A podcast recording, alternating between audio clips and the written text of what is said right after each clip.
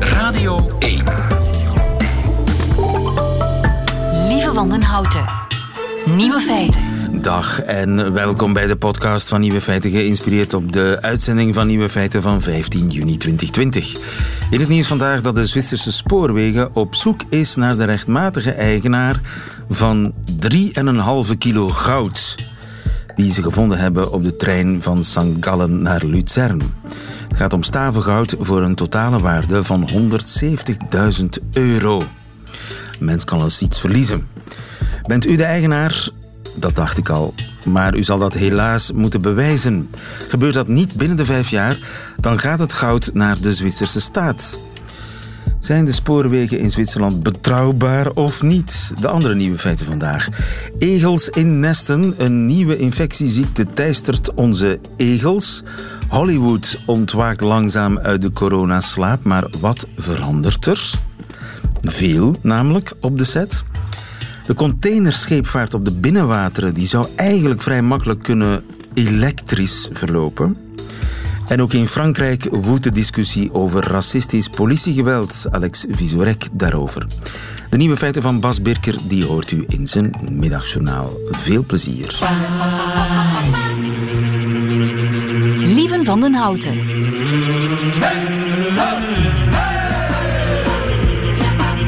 Nieuwe feiten. Elektrische binnenvaart, een uh, verre toekomstdroom, denkt u, maar het gaat gebeuren.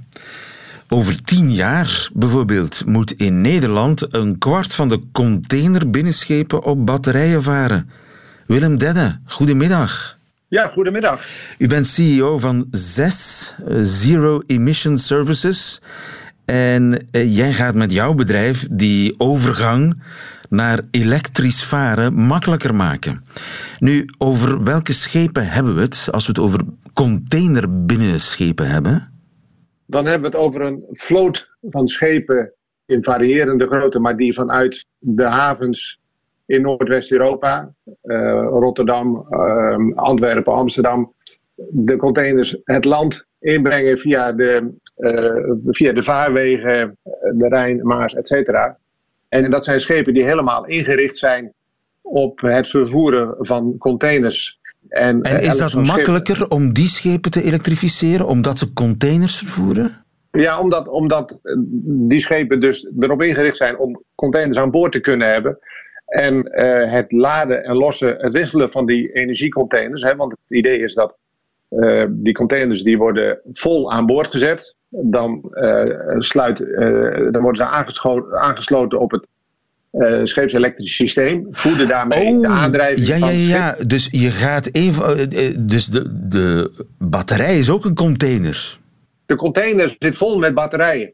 Dus daar zit een energievermogen initieel van, van 2 megawattuur in. Daar kan een schip een uur of 4, 5, 6, afhankelijk van type schip en, uh, en, en, en zijn vaart, maar daar kan hij een aantal uren op varen. Um, dus hij, hij plugt, die, uh, die container wordt aan boord gezet, wordt ingeplucht. Daar gaat de energie uit ontrokken worden door het, het schip voor de aandrijving. En dan komt hij bij de volgende terminal. Dan is die batterij inmiddels, die batterijcontainer inmiddels leeggetrokken. Dan wordt die van boord gehaald en weer een nieuwe teruggezet. Oké, okay, uh, dat is eigenlijk het principe. Dus dat, dat, dat schip gaat zeg maar 50 containers vervoeren, waarvan twee boordevol elektriciteit zitten voor de motor. Exact. exact. Juist, ja. En, en, en het voordeel daarvan is dus dat. Um, uh, dat wisselen van die containers, dat kan heel snel. Dat kan gewoon in het onderdeel, onderdeel zijn van het hele laad- en los uh, uh, logistiek proces. Het schip hoeft dus niet te wachten om die batterijen op te laden, want dat duurt een tijd. Uh, dat gebeurt op laadstations die we in parallel aan het realiseren zijn.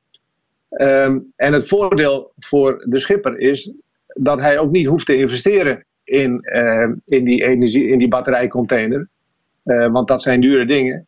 en daar hoeft hij niet in te investeren. Hij betaalt, dat, dat, hij betaalt gewoon voor het gebruik, de hoeveelheid energie die hij eruit trekt. ja. Vergelijkbaar met hoe u dat ook thuis uh, afrekent. Dus het En enige waar zes- hij moet in investeren, de schipper, is in een motor, een elektrische motor. Ja, de aandrijflijn, klopt. En dat is, ehm, ehm, eh, dat is een, een, een, een, een, een dat, daar moet hij inderdaad in investeren.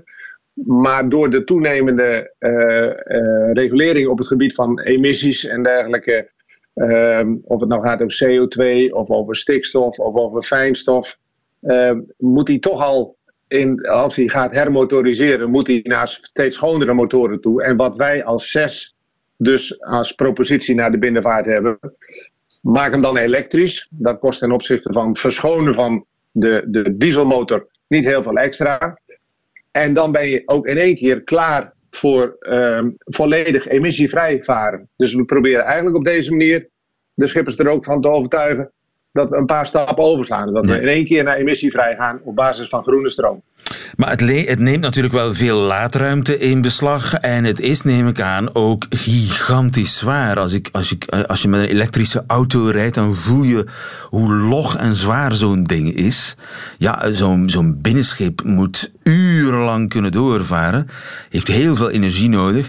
Dus ik neem aan dat dat ook wel een probleem is. Het gewicht eh, en het volume van die, van die batterijen. Nee hoor, het, uh, het, de, de batterijcontainer is een, uh, is een, gestandaardiseerde 20 voet container. Hè? Dat is de standaardmaat eigenlijk in, in containers. En voldoet aan, qua gewicht en dergelijke ook gewoon aan, aan de, de, de geldende specificaties. Dus of er nou lading in zit die zoveel weegt als batterijen, dat maakt niet uit. Um, in eerste instantie zal het misschien vragen dat er meerdere containers aan boord moeten komen. Maar daar gaat de tijd ook ons helpen. Want naarmate we een dichter uitgerold net hebben van laadfaciliteiten waar containers gewisseld kunnen worden. En tegelijkertijd de technologie uh, uh, zich verder ontwikkelt in die batterijen. Vergelijk het ook met de personenauto's. Hè. De eerste personenauto's die hadden maar een hele beperkte actieradius, maar die gaan steeds groter worden. Uh, dat zal ook gebeuren in, in, voor deze batterijcontainers. Dus in de toekomst zou het maar zo kunnen zijn dat u slechts met één batterij hoeft, één batterijcontainer hoeft te varen. Ja, dat gaat dan wel ten koste van één, één uh, container laadplaats die dus niet aan lading meegenomen kan worden. Uiteraard. Maar, maar, maar op het, de hoeveelheid containers die de schepen mee kunnen nemen, is dat een is dat acceptabel. Nu, die schepen moeten soms ook naar het buitenland, neem ik aan. Die blijven niet in Nederland. Die moeten toch naar, naar de Duitse steden, nee? En is dat geen probleem? Moet Duitsland niet meestappen in die elektrificatie? Nou, uiteindelijk hopen we natuurlijk dat dit een, eh, een systeemwijziging die zich niet tot uh, Nederland beperkt blijft, maar in heel uh, Noordwest-Europa uitgerold kan worden. Want uiteindelijk speelt het issue van, van emissies die teruggebracht moeten worden natuurlijk overal. Maar we beginnen in eerste instantie uh, in Nederland uh, ook op trajecten die uh, nu ook zich goed lenen voor ehm, de actieradius die we die schepen op deze manier kunnen bieden.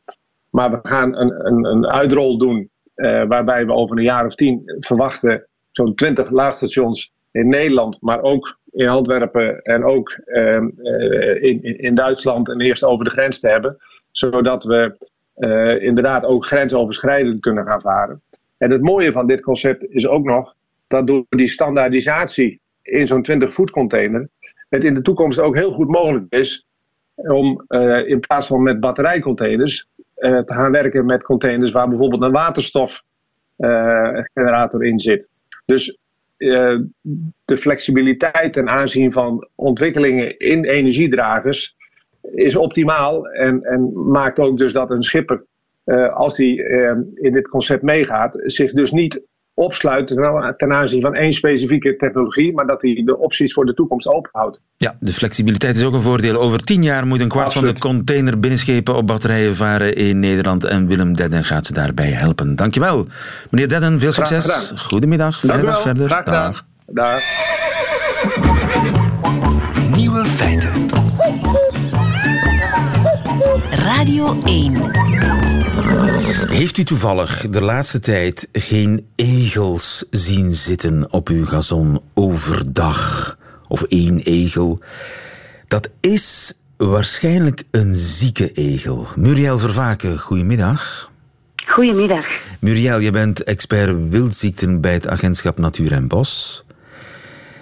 Zo'n egel die overdag op je gazon zit, dat, dat klopt niet, hè? Nee, dat klopt niet, inderdaad. De egels hebben het momenteel heel, heel hard um, te lijden onder een infectie waar ze heel erg ziek van worden en ook meestal van sterven. En wat zijn de symptomen? Ja, je ziet het, egels zijn normaal dieren die uh, nachtactief zijn. Dus vanaf het uh, begint te schemeren en doorheen de nacht gaan zij zich verplaatsen in de natuur op zoek naar egels ja. en um, soms naar soortgenoten om te paren. Maar wanneer dat je nu overdag een egel ziet die um, heel stilletjes zit, niet direct wegloopt. Want egels zijn, ook al zien ze er een beetje log uit, kunnen toch wel snel stappen.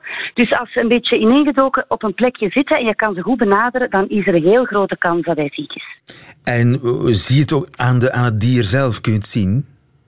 Ja, eens dat de infectie, dus het is een infectie door een bacterie, eens dat ze al um, enige tijd ziek zijn, dan ga je zien dat ze allerlei wonden hebben op hun kop en ook aan hun buik, maar dan moet je ze al omkeren. Dus je ziet wel dat ze um, er helemaal niet goed uitzien. Ja, wondjes en zweren en blazen ja. en dat soort dingen. Ja. En het ja. is een bacterie, het is dus een, het is besmettelijk. Ja, het agentschap Natuur en Bos heeft samen met de Universiteit Gent en de opvangcentra voor in het wild levende dieren hebben een aantal egels onderzocht en we vinden een heleboel bacteriën en andere pathogenen, maar de bacterie die el elke maal terugkomt bij de geïnfecteerde dieren is Corynebacterium ulcerans. En dat is een bacterie die eigenlijk zorgt voor van die ontstoken zweren um, op het uh, egellichaam. Ja. Nu, wat misschien wel belangrijk om te zeggen is, um, dat is inderdaad een besmettelijke bacterie. Dus um, de egels kunnen dat ook aan elkaar doorgeven. En vermits het nu paartijd is, is er wel contact tussen de egels onderling en waarschijnlijk zet die infectie zich zo verder. Ja, ja. En uh, kunnen we daar geen naam voor bedenken? Want die, uh, wat was het? Coro Cor Corynebacterium ulcerans. Ja, dat kan ik nooit onthouden. Hebben jullie daar geen naam voor? Nee, daar is geen andere naam voor. Corynebacterie. Egelziekte? De egelziekte 2020? De egelziekte, ja. Er zijn veel egelziektes, maar we kunnen die nu wel zo noemen. De ja. nieuwe egelziekte. De egelziekte, de nieuwe egelziekte. De nieuwe egel, of egelziekte 2020. Uh, en Ja. die, en die- ja, egels uh, komen, komen die elkaar vaak tegen. Want ik herinner mij, toen ik nog een grote tuin had, dat elke avond klokslag half acht kwam er een egel van die kant naar die kant lopen.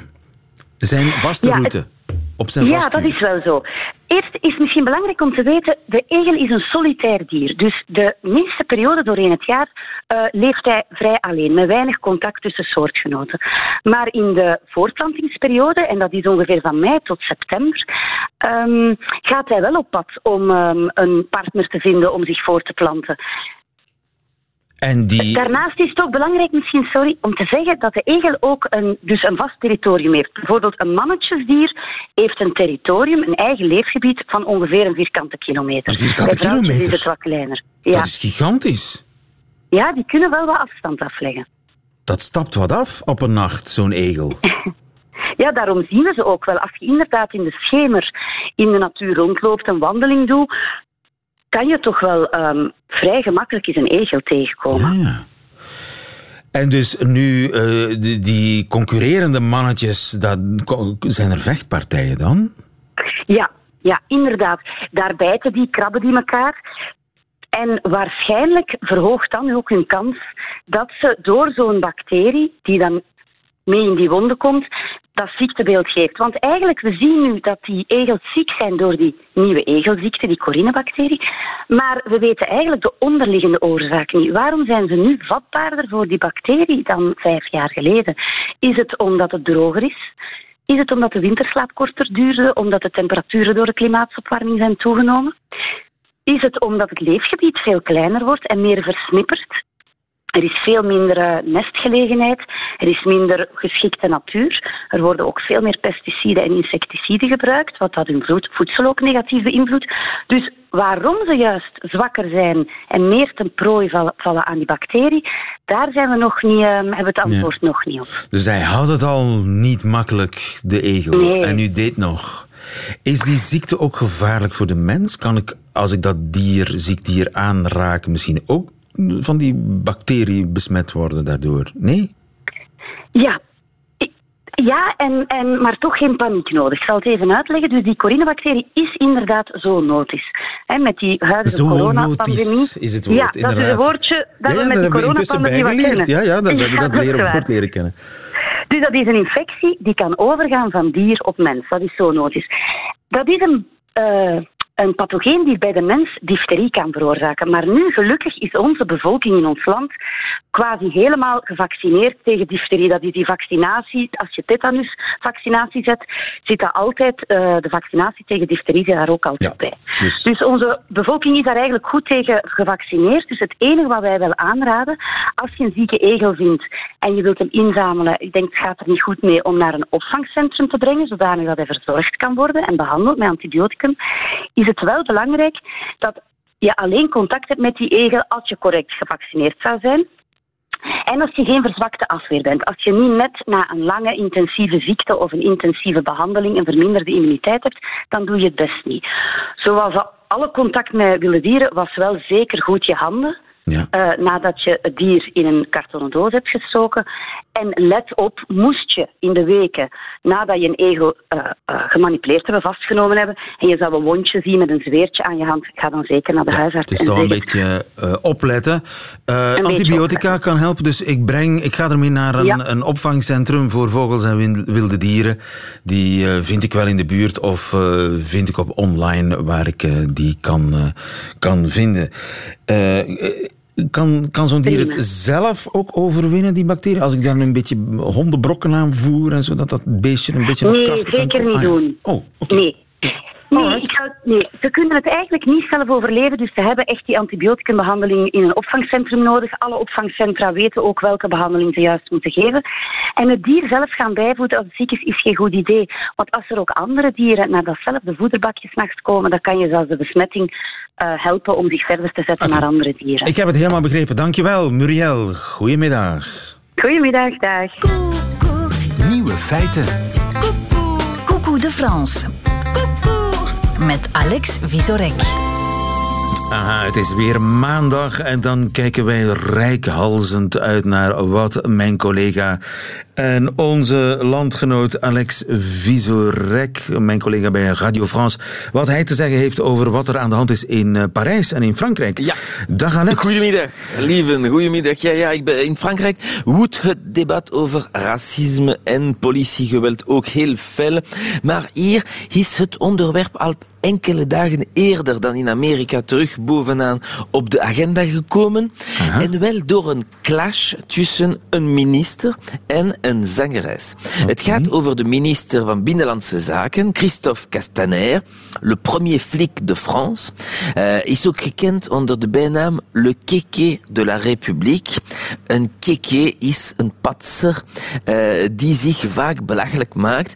En dan heb je de zangeres Camelia Jordana. Zij Nooit van drie weken geleden. ah, maar de- ze heeft een nieuwe disc. eh, Ah, en ja, ze oké. heeft de eh, Frankrijk, eh, hoe zegt men dat? La France a un incroyable talent. Eh, misschien heeft u dus Eh, Ja, ja, ja, ja, eh, best of, hoe heet het? Ja, The Voice Belgium of, of Belgium Ja, Got zo- Talent, dat soort dingen. Belgium's Got Talent, dat is het.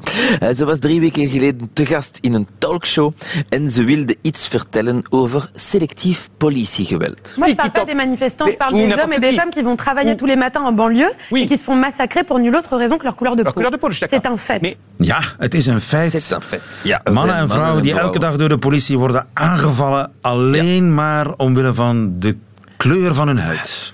Dat zei ze. En toen Christophe Castaner dat hoorde, dacht hij, dat kan ik niet zomaar laten zeggen. Et ce que je veux dire, c'est que pour moi, il n'est pas question de laisser euh, salir euh, l'honneur de la République quand elle est mise en cause par ce type d'allégations. Oeh la la, l'honneur de la République stond op het spel. la- dat is het. Dat was het startschot van een Twitter-rel tussen de twee. Veel opiniemakers namen aanstoot aan haar uitspraken. En als je de boodschap slecht vindt, kun je dan op de boodschapper schieten. Mais je te dis franchement, c'est le ministre de l'Intérieur. C'est Camélia Jordana, quoi. Je suis, excusez-moi, euh, c'est pas, voilà, encore même ça aurait été Gérard Depardieu, je te dis, bon, d'accord, tu vois, tu peux peut-être lui répondre, mais Camélia Jordana, Ja, mocht het nu nog Gérard Depardieu zijn geweest die het gezegd had, maar zo'n onnozel zangeresje. Dat bedoelde Ja, ze is deze niet mens toch, hè? belangrijk genoeg. Ja. Ja. ze is niet belangrijk genoeg om eh, iets te zeggen. En de clash had tussen die twee kunnen blijven. Maar één dag later eh, kreeg de wereld de gruwelijke beelden van George Floyd te zien. En Frankrijk heeft ook een gelijkaardige geval gekend. Vier jaar geleden overleed de jonge Adama Traoré na een politieachtervolging. Eh, de resultaten van een nieuw onderzoek zijn juist binnen en ze bevestigen de rol van de politie bij zijn overlijden. Dus nu woedt er een groot debat tussen links en rechts. En het is een eh, gevoelige onderwerp, want de Fransen hebben de aanslag op Charlie Hebdo nog in het hoofd. Toen was iedereen het erover eens dat de politie de grote held was.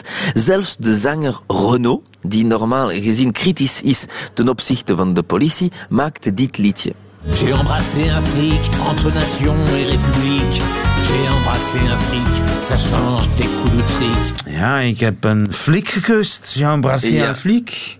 Ça change des coups de trick. Het is even iets anders dan een knuppelslag. Maar anders eh, zijn de meningen over de politie in Frankrijk altijd verdeeld geweest. En daar spelen de comedians op in. Eh, Ze lachen met de clichés over agenten. Bijvoorbeeld eh, in de jaren 90 een sketch van Les Inconnus. Il y a une petite vieille qui s'est fait attaquer avec des moyens. Ah oui, une petite vieille, euh, il s'est fait attaquer. Ils sont au moins 3 ou 4, hein? 3 ou 4 3 ou 4, c'est dégueulasse. Ouais. Ouais, on l'a entendu. Bon, là, il est 5 heures, là, on rentre au commissariat, hein, c'est la fin de journée. hein. Oké. Net een eh, oud vrouwtje overvallen. Ja, ja, ja, ja. Oh shit, het is vijf uur. We moeten terug naar het commissariaat. Ja, later eh, voegen ze toe. Wat een geluk. Als het een kwartier vroeger was geweest, hadden we er naartoe gemoeten. Eh, ook Coluche, de comedian waarover ik het vorige week had, hij speelde in de jaren tachtig al een sketch waarin hij een discriminerende flik was. Ah oui? Non, parce que nous, on nous apprend à reconnaître les mecs louches, hein. On fait des stages avec les chiens et tout, hein. Tu sais, en deux langues. En allemand pour le chien, en arabe pour le mec. Ja, alright. Wij, wij oefenen om loesje mannen te herkennen in twee talen. Duits om tegen de hond te spreken, Arabisch voor de mannen. Maar hoe zit het eh, met het eh, gedrag van de politie tegenwoordig? Wel, er kwamen heel wat experten op televisie praten. En de beste expert was op C-News te zien. Veronique Genest, de actrice die jarenlang elke zondagavond te zien was als commissaire Julie Lescaut.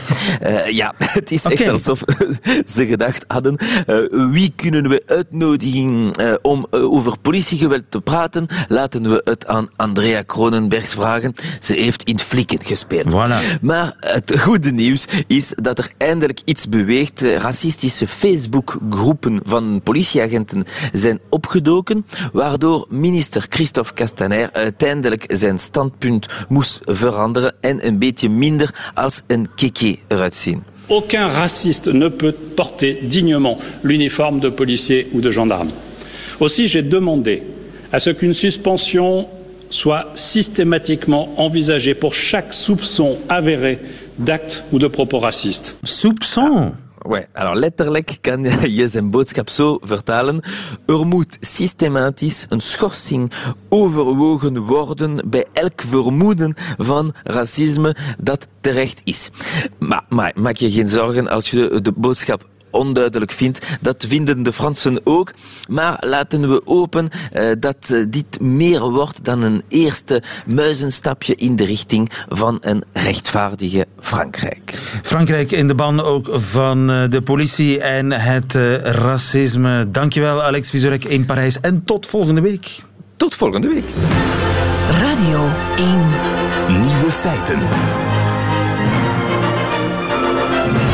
Gaan we nu het verschil zien tussen een film gemaakt voor corona en een film gemaakt na corona? Dat is een vraag voor onze filmman. Lieve trio, goedemiddag. Dag lieven, goedemiddag. Ook Hollywood schijnt uit zijn coronaslaap te zijn geschoten. Wordt er weer gefilmd al? Ehm, ik weet niet of er op dit moment al camera's aan het rollen zijn, maar wat wel duidelijk is, is dat, er, eh, dat iedereen zich daarop aan het voorbereiden is en dat ze dat zeer graag willen natuurlijk. Hè. Snel terug in actie schieten, want de verliezen die al geleden zijn, zijn al zeer groot. Dus eh, ja, zo snel mogelijk weer aan de slag, hè, dat is de bedoeling. En wordt alles weer zoals vroeger? Nee, zeker en vast niet. Of toch uh, voorlopig niet. Wat verandert er? Uh, heel wat. Er is dus um, net een soort white paper uh, verschenen van uh, ja, een handleiding eigenlijk. En zo. Een handleiding, inderdaad. Dus een, een soort ja, adviezen voor nieuwe protocollen van hoe het nu in zijn werk moet gaan, uh, post-corona, om te gaan opnemen. Want natuurlijk, een filmset is een plek waar heel veel mensen samenkomen, waar mensen dicht bij elkaar komen, uh, intiem samenwerken enzovoort. Dus dat moet gereguleerd worden, of, of anders krijgen we daar uh, constant brandhaarden van, van het coronavirus. Dus dat kan natuurlijk niet. Dan moet dat stilgelegd worden, dan kost dat weer meer geld enzovoort. En dan worden er Filmzoenen in tijden van corona, hoe gaat dat? Staat daar iets van uh, in dat uh, white book, in, dat, in die handleiding? Absoluut. Absoluut, dat is natuurlijk een van de grootste bezorgdheden. Hè? De, de, die, die scènes waarin fysieke nabijheid uh, nodig is, dus vechtscènes, uh, kusscènes, seksscènes enzovoort, waar, waar mensen ja, op elkaar kruipen, letterlijk, um, die worden door die whitepaper wel degelijk ontmoedigd. Dus uh, er wordt gevraagd om in de mate van het mogelijke rekening te houden met social distancing. Dus ja, zorgen dat je acteurs niet te dicht bij elkaar hoeven te komen, want natuurlijk zo'n seksscène, je zou denken, dat is toch maar enkele seconden of, of, of enkele minuten in een film. Dagen werken. Uh, ja, dagen werken inderdaad. Dus, ja, en, ja, dus het kan zijn en dat dus dat wordt ontmoedigd. Dus dat, dat betekent misschien dat, ja, dat, dat er een, een daling van het aantal liefdescènes in, dat de, kan, in de films. Dat kan effectief. Wow. Ja, ik, ik, ik kan me heel goed inbeelden dat inderdaad op dit moment de filmstudio's dan zullen zeggen van daar gaan we misschien nog even mee wachten of we gaan nu voorrang geven aan scenario's of films waar uh, dat soort scènes minder in zitten of minder nodig zijn, maar waar we daar ik, rond kun je werken. een romantische komedie voorstellen zonder? Uh, wellicht niet. Of, of het moet zijn dat ze slecht afloopt, natuurlijk. Ja, dat, uh, maar bedoel, dat, nee, ja, dat, dat zijn dat, heel ingrijpende veranderingen, toch? Ja, inderdaad. Ga, gaan um, de natuurlijk... scenaristen zich daaraan houden? En, en dat is een goede vraag. Want dat, studio's. Ja, en natuurlijk voor de acteurs is dat ook niet fijn, hè, denk ik. Als, je, als, je, uh, als ik zo hoor bij acteurs hier, uh, die, die, ja, als ik daarover spreek met hen, dan zeggen die toch ook van ja, ik heb daar misschien ook geen zin in hoor, om, al, om, om, om heel tijd op afstand te blijven en zo. Dat, dat gaat ook in tegen het plezier natuurlijk van het werken. Maar ja, er wordt natuurlijk aan gedacht, of als het niet anders kan, dan zijn er natuurlijk die tests die kunnen gedaan worden. Um, en dan wordt er bijvoorbeeld gekeken naar hoe de porno-industrie het al een hele tijd doet. Hè, want daar hebben ze in de jaren negentig natuurlijk wat last gehad met AIDS. Uh, kwamen ineens een heel aantal uh, besmettingen op de set voort. En dan hebben ze een, een, een, systeem ingevoerd waarbij acteurs en actrices om de 14 dagen getest moesten worden op SOAS. En die resultaten worden, werden dan in een database bijgehouden, zodat het heel duidelijk was um, wie clean was en wie niet. En dat soort systeem, wie weet, kan dat ook wel nu overgeplaatst worden naar, naar de filmindustrie. Dus dat er constant tests worden uitgevoerd, zodat het duidelijk is wie er uh, ja, niet ziek is en wie wel. Ja. Um, en dan een bubbel of je zou nog aan of eerst in ja, quarantaine gaan, getest worden. Wel, dat, dat, dat, dat is al dingen. gebeurd, lieven. Ja. Dat ah, is ja. al gebeurd. Ze hebben in volle uh, coronapandemie is er in Australië een horrorfilm opgenomen. Um, een verfilming van Children of the Corn van Stephen King. En die, is, um, die hebben ze eigenlijk gedraaid door de hele periode lang met de hele crew en cast in quarantaine te gaan in een afgelegen dorpje in, uh, in Australië ergens. Ja, dat is natuurlijk een aanpak die ten eerste denk ik niet zo heel goed is voor de mentale gezondheid, want dat betekent dat je dus, ja, dus eerst 14 dagen op voorhand en dan nog eens het hele draaiproces lang. Dus in totaal ja, twee, drie maanden ben je gewoon weg van je familie en je vrienden en zit je heel de tijd met je collega's opgesloten, letterlijk bijna. Dus dat, ik weet niet of dat, dat een uh, heel aangename uh, oplossing is. Het ja. is misschien een soort noodoplossing. Maar ja, en, en het kan ook gewoon niet voor elke shoot. Hè. Sommige, sommige films worden niet gedraaid in een afgelegen dorpje waar iedereen kan afgesloten worden van de wereld. Dus daarom wordt nu dus die whitepaper uitgebracht. Ja, hè, om, dus de, ja, de filmsterren op het witte doek die zullen ook aan een soort van social distancing moeten gaan doen. Daar lijkt het op. En het Daar aantal kus- en vechtscènes, uh, toch ongeveer ja, de motor van de, ja. van de cinema, uh, in veel gevallen, die uh, moet tot een minimum beperkt worden. Inderdaad. Vraag of, me af of of dat zal lukken. Er zijn natuurlijk ook, dat zal misschien uh, niet altijd lukken, maar dan zijn er misschien ook nog special effects. Dat is natuurlijk um, ja, de, de CGI, de Computer Generated Imagery. Die kan af en toe ook wel eens tussenkomen natuurlijk. Dat, dat gebeurt nu al meer dan je denkt. Niet alleen in de, in de hele grote blockbusters, waar, ja, waar natuurlijk eh, het, het merendeel van de actie op, eh, voor greenscreens en zo wordt opgenomen en dan later wordt aangevuld met computerbeelden. Maar ook in, in, in, in gewone films. De films van David Fincher bijvoorbeeld zijn daar een goed voorbeeld van. Eh, ja, de Social Network en zo, dat soort films. Dat, dat, of, of Gone Girl, er staat zo'n heel leuk filmpje op YouTube waar je kan zien hoe de hele gewone decors eigenlijk worden aangevuld met, met, met, met CGI. Ehm, en en dat, je zou denken dat maakt niet zoveel uit voor de acteurs, maar eigenlijk voor de, een filmset is meer dan de acteurs. Je hebt daar achter de schermen ook een hele grote productieploeg die de decors moet aankleden enzovoort. En die zijn ook samen in de weer, urenlang voor er al gedraaid wordt. En als je dat natuurlijk voor een deel, dat proces kan, kan vervangen door een computer-ingreep, dan heb je ook weer minder risico. Dus dat soort eh, ingrepen met de computer kunnen misschien ook nog wel van pas komen in Ja, deze ja. post-coronatijd. Dus Brad Pitt zal misschien ooit een seksscène moeten draaien met een groene pop. Wie weet. Wie ja. weet. Stel je voor. Wie weet. Dat past dan misschien weer in het verhaal. Dat het, eh, gaat, misschien kunnen ze verhalen schrijven over mensen die verliefd worden op robots. Of Dat, zo. dat kan je- natuurlijk ook. Eh, veel is mogelijk. En ja, make-up, dat is ook Ja. iets waar heel veel eh, sociaal contact bij nodig is. Je zit uren zit met je- iemand samen die, die jou helemaal moet schminken. Kost- Ja, die en speciale kostuums. Ja, tuurlijk. Ja, en inderdaad, eh, mensen die moeten geholpen worden om, om in een, eh, een, een kostuum gehesen te worden. Dus bijvoorbeeld Zoe Kravitz, de dochter van Lenny Kravitz, die ook een bekende actrice is, die ehm, speelt nu in de nieuwe Batman-film mee, die binnenkort wordt eh, opgenomen. Daar speelt ze Catwoman. Dat is natuurlijk gaat gepaard met een heel strak pakje, waar ze, ze heeft gezegd van ik raak daar alleen niet in. Dus ik zou niet weten hoe ik dat nu zonder ja, kleedster of zo ga, ga kunnen aandoen. Dus dat inderdaad zijn dingen die nog heel veel eh, ja, vragen oproepen. En dat staat ook zo in die whitepaper van ja, misschien zullen eh, sommige acties gewoon van, van, van mensen dus die make-up, eh, hairstyling en kostuum doen, niet te verzoenen zijn met social distancing. Dus dan moet daar op andere manieren ja, heel goede bescherming of eh, ja, iedereen met mondmasker tijdens die aankleedprocedure of zo. Dus ja, dat, het gaat nog voor heel wat vraagstukken leiden, tot heel, heel wat vraagstukken leiden op de set. Dat is Ja, zeker. en dat is dan de set, maar naast de set moet er natuurlijk ook van alles anders gaan gebeuren. Eh, ja, je hebt natuurlijk de, de... Bedoel je dan de, de scripts of zo bijvoorbeeld? eh? Bijvoorbeeld. Ja, je hebt daar natuurlijk ook een, een, een- script dat circuleert. Hè. Iedereen moet wel eens kijken van ja, welke scène gaan we nu draaien enzovoort. En dat zijn vaak papieren scripts. Hè. Gewoon ja, een, een- boek of, een, of een hoopje papier dat wordt doorgegeven aan elkaar. Dat is nu ook natuurlijk niet meer zo heel goed. Want stel dat er dan iemand besmet is, dan geeft hij gewoon zijn virussen via dat script door aan de anderen. Dus daar wordt in, die, eh, in dat, eh, die, die, die handleiding met eh, adviezen wordt daar ook over gesproken van kijk, laten we stoppen met die papieren scripts en laten we helemaal overgaan naar digitale eh, Ja. scripts. Dus misschien ieder op zijn telefoon of zo, dat ieder zijn eigen digitale script vast heeft. Ehm, ja, dat brengt dan weer andere moeilijkheden met zich mee, want digitale scripts kan je natuurlijk gaan hacken van op afstand. Dat zal eh, vaker gebeuren, bijvoorbeeld met, eh, met Game of Thrones hebben, ze zo eens een scenario gelekt. Dus dat moet dan weer heel goed beveiligd worden. Met, je hebt al van die self-destructing scripts die zichzelf vernietigen na het lezen en zo. Maar ja, op de set moet je wel zo'n script in handen hebben natuurlijk. Dus het is heel complex allemaal. Volgens mij is het voer voor een, een scenario voor een, een hele spannende film. eh, fi- filmen in tijden van corona, een soort metafilm.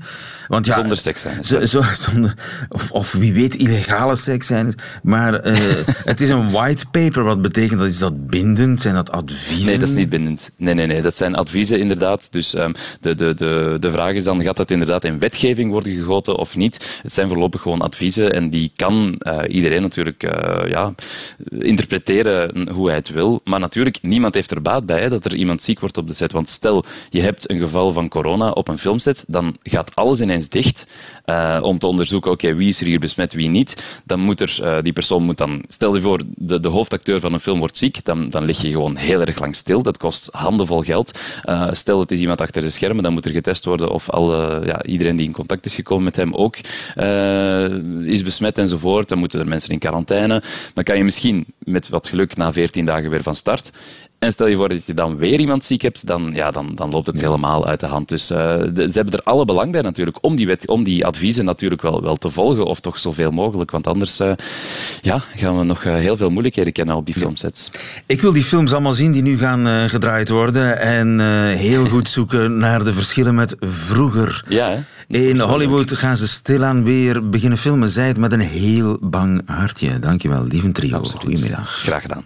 Dat waren ze, de nieuwe feiten van 15 juni. U krijgt alleen nog die van Nederbelg Bas Birker in zijn middagjournaal. Nieuwe feiten. Middagjournaal. Liefste landgenoten. Of het nog wel is vol te houden, vroeg mijn moeder, die jarig was op vaderdag. Voor mensen in Nederland lijkt België een reddeloos oord waar de halve bevolking is uitgeroeid door corona en de laatst overgeblevenen in blinde paniek op cafés symptomen zitten te googelen. Nee, Roger, als je moet overgeven, moet je niet naar een triagepunt, dan moet je naar huis, zegt Mark van Ranst. Mark heeft gelijk. Ik stel mijn moeder gerust. Alles is oké. De grenzen zijn open, dus we kunnen weer goedkoop boodschappen doen. De cafés zijn open, dus Duvel gaat niet failliet. Bovendien mag je weer zitten op bankjes en zonder reservering liggen op het strand. Maar goed ook, want wie op het strand moet blijven wandelen, kan moeilijk zijn kop in het zand steken. België heeft zo zijn eigen manier om problemen aan te pakken, leg ik uit. Als er een probleem is, dan kun je op zoek gaan naar de oorzaak en die wegnemen. Je kunt de symptomen bestrijden. Maar veruit de snelste manier is gewoon de naam veranderen. Marketing heet dat elders. Oplossing heet dat hier. Toen het Vlaams Blok in 2004 werd verboden, hernoemde het zichzelf Vlaams Belang. Slim. Geen landgenoot zou luisteren naar een minderheidsregering in lopende zaken. En dus heet die regering nu Superkern. Super. Vorige week was er bijna een Vlaamse regeringscrisis over de praktijktest. Nu heet die test een monitoringssysteem en is er dus geen crisis. Topsysteem. Andere landen benoemen hun problemen, wij hernoemen ze. Als in België gedemonstreerd zou worden tegen een slavernijverleden, hadden we het al lang outsourcing genoemd. Maar jullie hadden toch ook protesten tegen racisme, zei mijn moeder? Bij jullie worden er toch ook standbeelden besmeurd en bustes vernield? Mijn moeder had een punt. Het is hoog tijd om dat onder ogen te komen en ook die problemen bij de wortels aan te pakken. De meeste discriminatie komt voort uit angst voor de eigen positie. Racisme is egoïsme. Of woorden van die strekking denk ik de Nederlandse comedian Theo Maassen gezegd te horen hebben. Dat lijkt mij een prima oplossing. Hernoemen die handel. Kwestie van tijd voor we in de bruine kroeg om de hoek een witte man met een leeuwentatoeage horen zeggen: Ik ben geen egoïst, maar. Dan pakt de man een pot verf en een kwast, loopt daar naar zijn lokale Leopold II standbeeld en schildert hij een 1 en een 2 met een streepje ertussen. Voilà, zegt de egoïst. Leopold 2,5. Zo doen we dat. In Vlalonië.